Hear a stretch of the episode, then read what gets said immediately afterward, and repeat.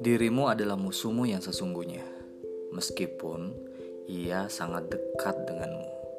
Ia bahkan selalu menemanimu dalam setiap kesempatan. Akan tetapi, akan datang saatnya di mana kamu harus menyelamatkan diri dari dirimu sendiri.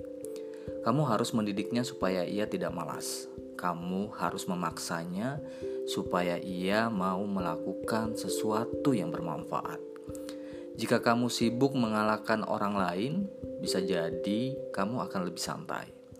Oh, masih ada dua orang di belakangku. Oh, masih ada tiga orang di sampingku. Oh, baru satu orang di depanku. Jika kamu membiarkan seperti ini, kamu tidak akan mampu melesat jauh. Apa yang kamu lakukan itu bukti bahwa kamu belum mampu mengalahkan dirimu sendiri.